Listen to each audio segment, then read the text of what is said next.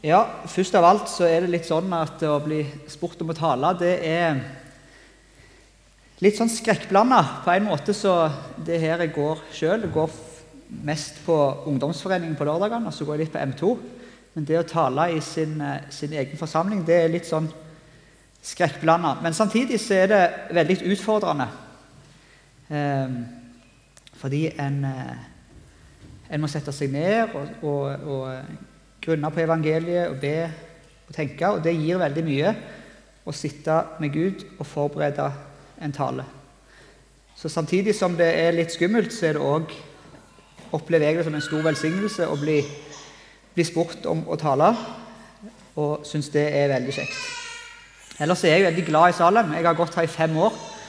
Eh, begynte egentlig å gå akkurat her litt, litt ved en tilfeldighet. Hadde aldri gått her før. Og, men, men ville, ville innom her og se hvordan det var på et møte. Trivdes veldig godt. Trivdes veldig godt med folka her. Eh, og så har jeg holdt meg her og syns dette er et godt åndelig hjem for meg. Det som er søndagens tekst, eh, det er Salme 23. Eh, jeg har liksom begynt med å, å se på teksten, og så har jeg formulert et tema ut ifra det som sto i teksten. Eh, og det var 'Å vandre med Herren'. Jeg har satt som overskrift. Men vi kan begynne med å lese søndagens tekst i Salme 23, i en Davids-salme. Herren er min hurde, jeg mangler ingenting. Han lar meg ligge i grønne enger. Han fører meg til vann der jeg finner hvile, og gir meg ny kraft. Han leder meg på de rette stier for sitt navns skyld.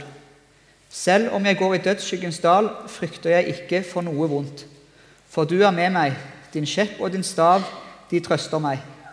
Du dekker bord for meg like for øynene på mine fiender. Du salver mitt hode med olje, mitt beger flyter over. Bare godhet og miskunn skal følge meg alle mine dager, og jeg får bo i Herrens hus gjennom lange tider. Med en overskrift 'Å vandre med Herren' så kunne en satt en rekke tekster og tema knytta opp til dette i forhold til den kristne tro. Eh, Jeg skal imidlertid forsøke å knytte teksten til nettopp det som vi leste.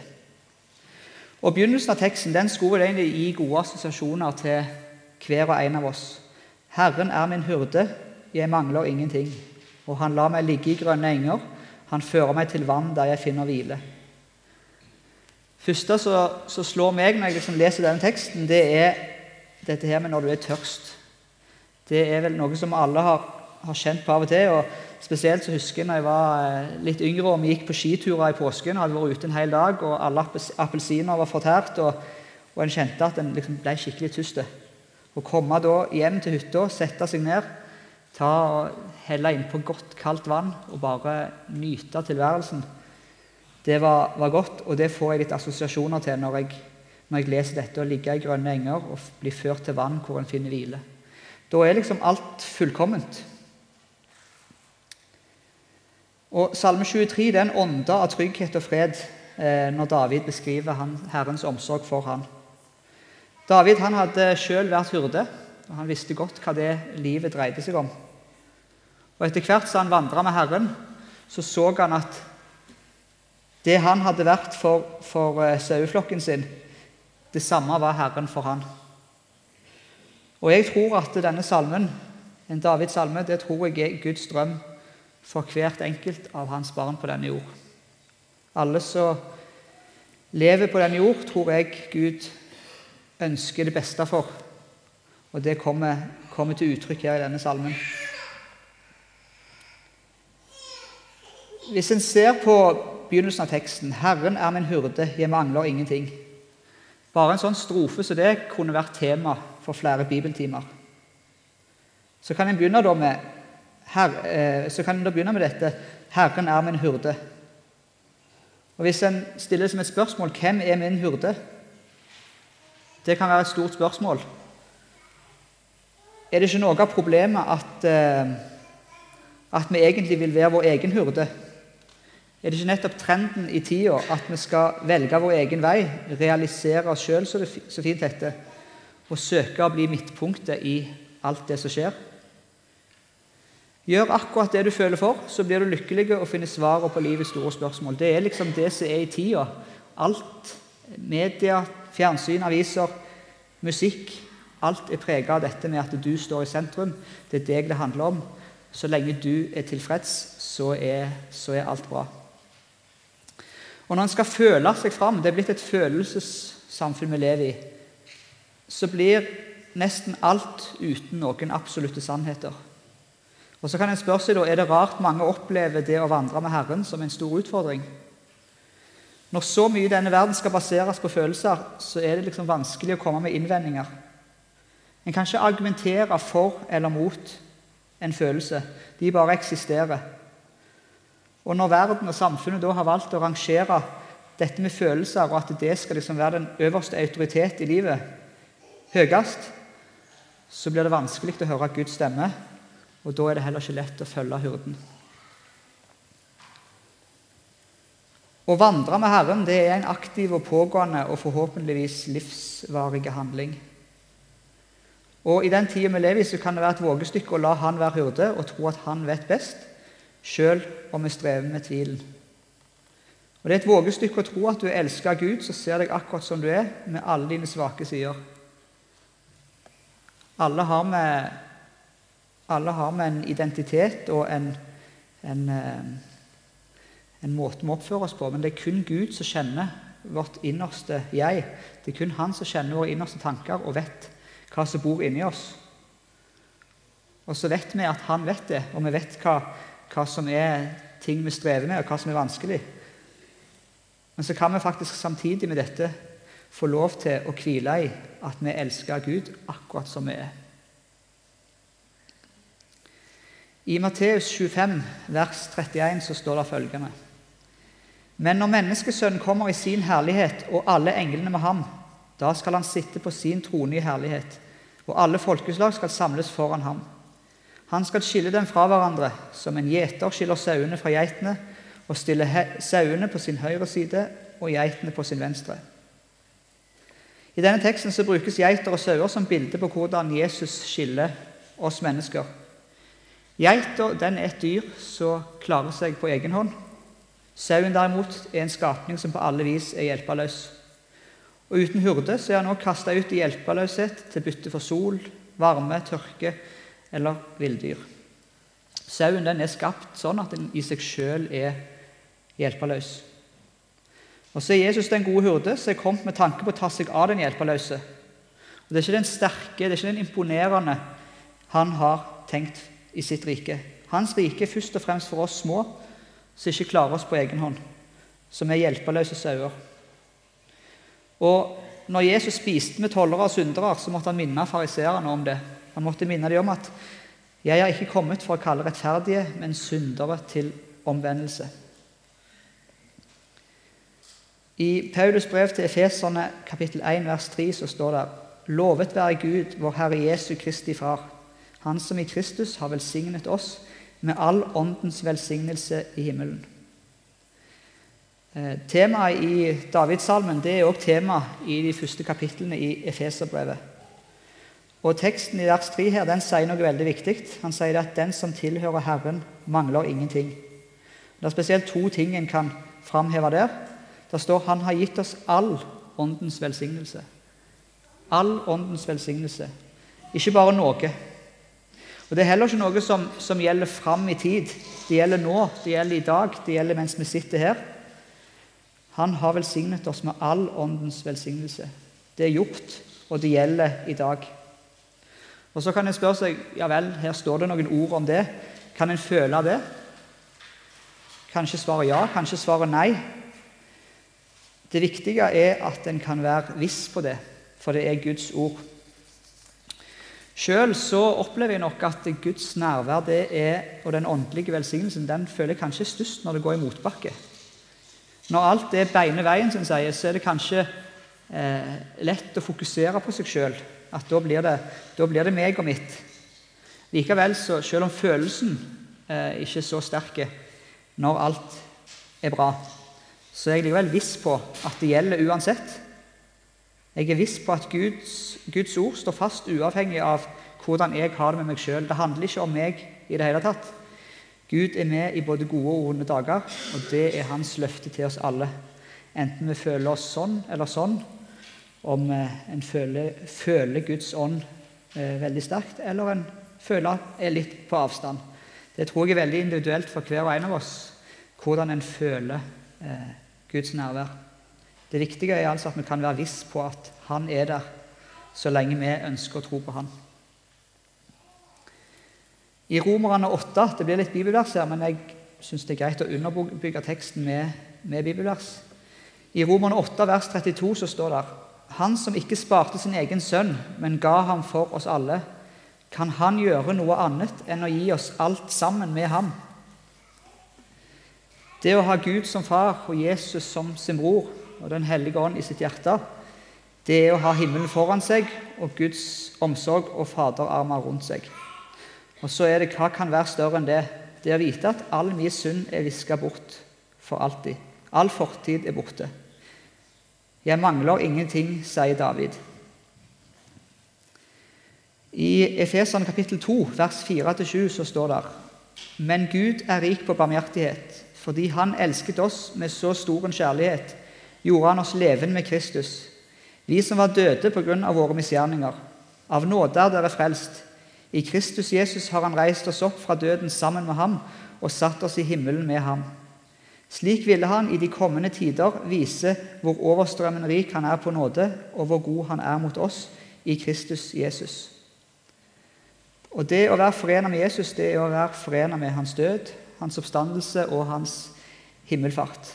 Det skal vi feire senere under nattverden. Så står det altså for at han i de kommende tider skal vise sin nådes overrettes rikdom mot oss. Det er et eh, ord som peker framover, kommende tider. Og Det er òg bakgrunnen for det kjente ordet litt lenger nede i samme kapittel. For vi er Hans verk, skapt i Kristus Jesus til gode gjerninger, som Gud på forhånd har lagt ferdige for at vi skulle vandre i dem. Så det er litt hvordan en kan lese akkurat det verset der. Jeg tror det kan være litt ulike meninger om hvordan det skal leses. En måte å tenke på det er at Gud har lagt ferdig gode gjerninger som vi skal gjøre. Men jeg tror kanskje det er mer tale om gjerninger som han som far vil gjøre. Og så får vi vandre i disse gode gjerningene som han allerede har gjort ferdige, og oppleve gleden ved at de blir oppfylt gjennom oss. For I vers 9 så står det nemlig at det hviler ikke på gjerninger for at ingen skal skryte av seg selv. Så fokuset her det er Guds gjerning. Det er hans gjerning eh, Bibelen eh, peker på her. Poenget er at Gud er mer til stede i det verset enn vi sjøl er. Det er mer Gud enn meg sjøl. Når en leser Salme 23, så vil en kanskje oppdage en, en form for dobbelthet. For i Davidssalmen så ligger det jo en erkjennelse av at vi ikke klarer oss sjøl. Vi klarer oss ikke på egen hånd. For når det kommer så tydelig fram at nettopp i Herren mangler vi ikke noe, ja, da må vi mangle veldig mye, for ikke å snakke om alt, i oss sjøl. Å vokse som kristen er jo å se mer og mer hva Herren har gjort for oss. Og desto mindre blir vi i oss sjøl. Johannes sier det sånn Han skal vokse, jeg skal avta. Det store problemet vårt det er hva vi fester blikket på. Ser vi på det som blinde og blender her i verden, så blir det fort sånn at vi mister av syne den rikdommen vi er gitt. Og Mange ganger så ser jeg på meg sjøl og mitt liv at her er det ikke mye å være stolt av. Her er det ikke mye som, som holder for min egen del. Jeg er hjelpeløs i møte med synd og fristelser og mye av det onde som jeg kan stilles til ansikt med her i verden. Og Da blir det fort sånn at en fokuserer på sin egen synd, sin egen skrøpelighet, og det at en ikke strekker til. Og Det var kanskje denne dobbeltheten Peter òg kjente på når han gikk på vannet. Historien om Peter som gikk på vannet, den syns jeg er helt fantastisk. Den er jeg eh, veldig glad i, for han sier veldig mye. Han så på seg sjøl altså, og sine egne nederlag, og så begynte han å synke. Og Så spurte Jesus hvorfor er du så svak i troa. Så strakk han ut hånda og reiste Peter opp igjen. Peter var jo en, en, som enten var veldig høyt oppe eller veldig langt nede. Han kunne til tider virke veldig sånn eh, frampå. Han skulle jo ikke svikte Jesus om så alle andre gjorde det. Og jeg tror at det som Peter opplevde når han ble reist opp av Jesus, det ga han styrke til mye av den motgangen som han møtte seinere.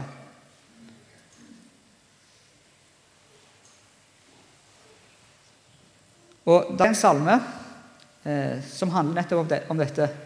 Og Kanskje løsningen også for oss ligger nettopp i det som står i den salmen. Jeg skal lese noen strofer fra den. Hold blikket festa på Jesus når du med Peter er langt ifra land. Når alt ikring deg er stormvær og du går under, luft blikket mot Han. Hold blikket festa på Jesus, for Jesu øye er festa på deg.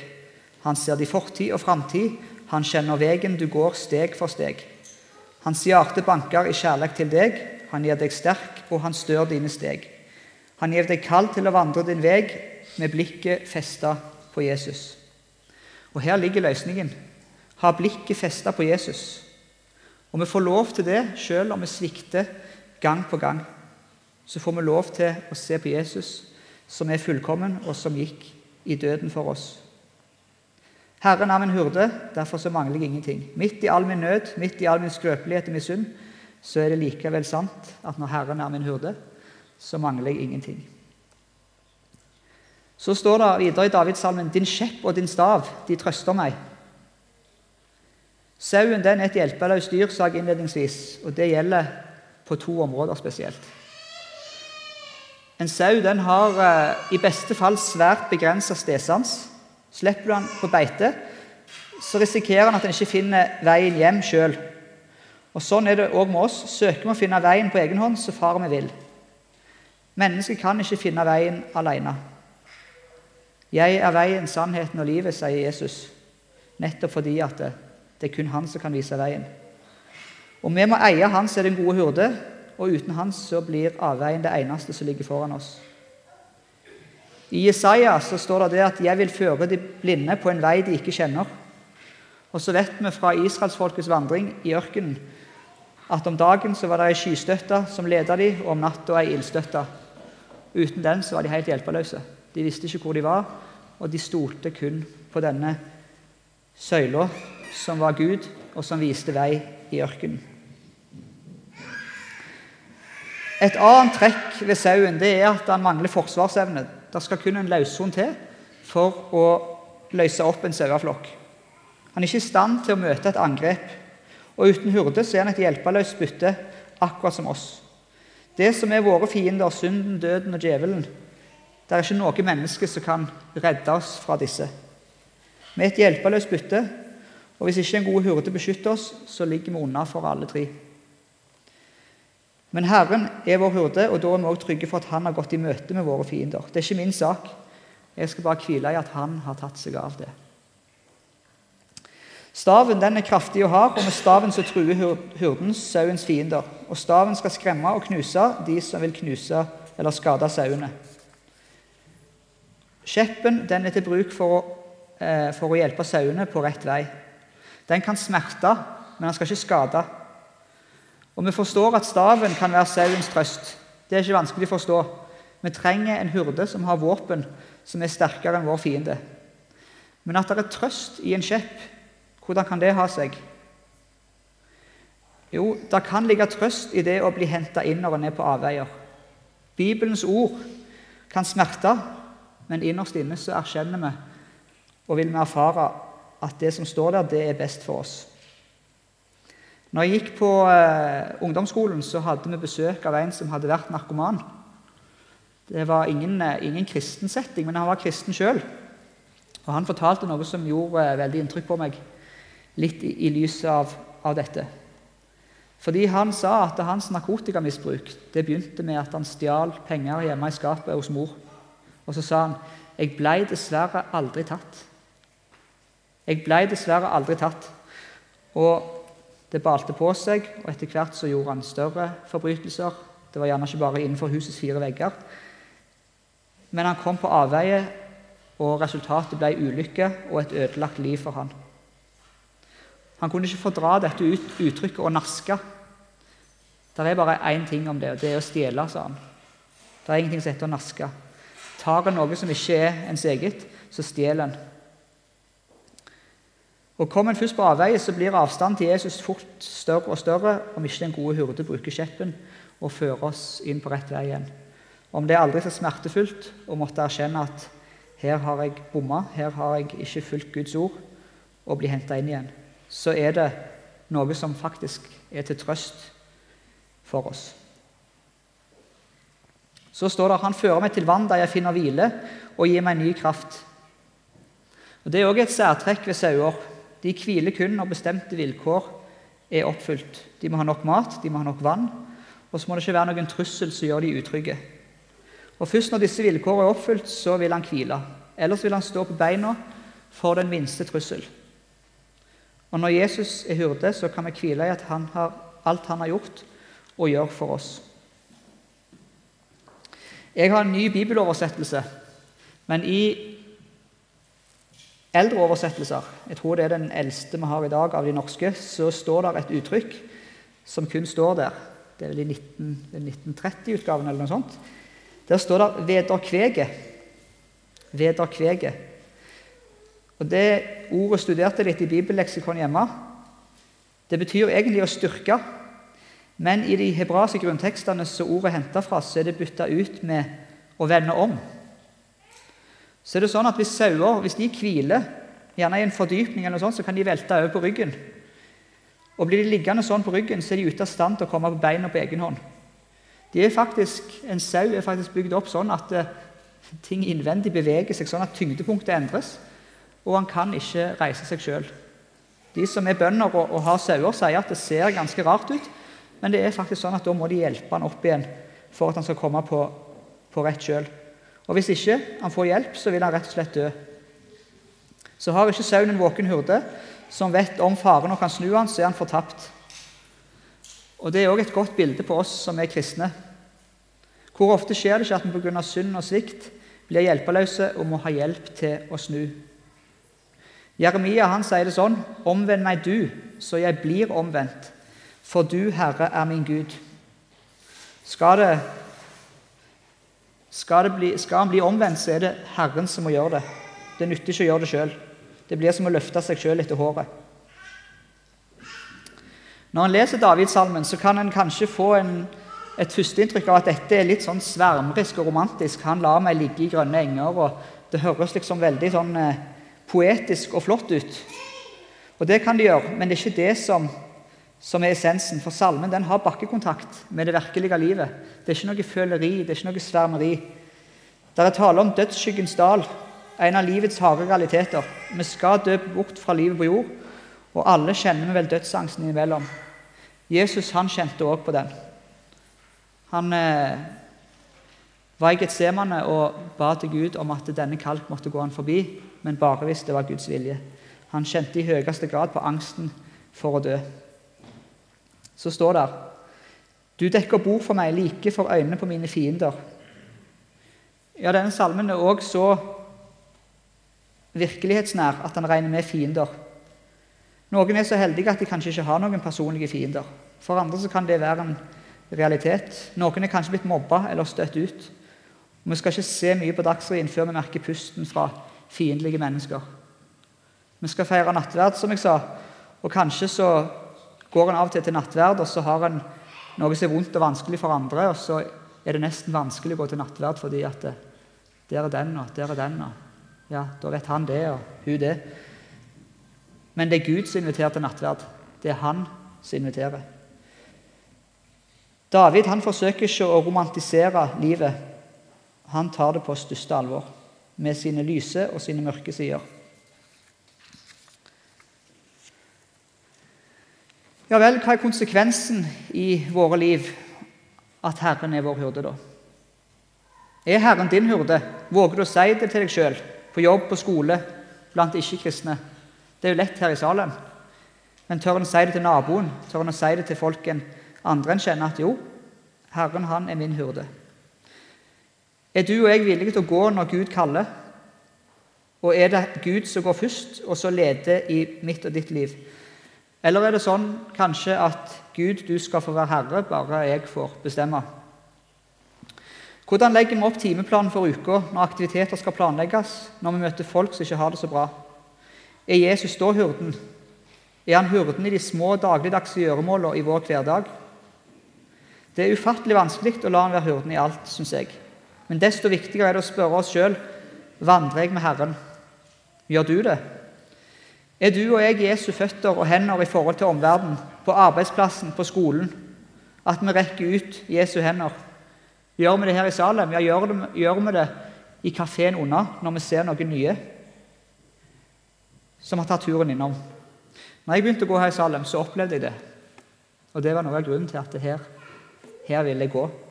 En kan høre flotte taler og være på møter med fin musikk og, og alt dette, men hvis ikke de som er, er, menigheten, hvis ikke de strekker ut hender, så er jeg redd at flotte møter kommer til kort med. Det er det nære og de gode relasjonene som, som nettopp gjør at en vil trives.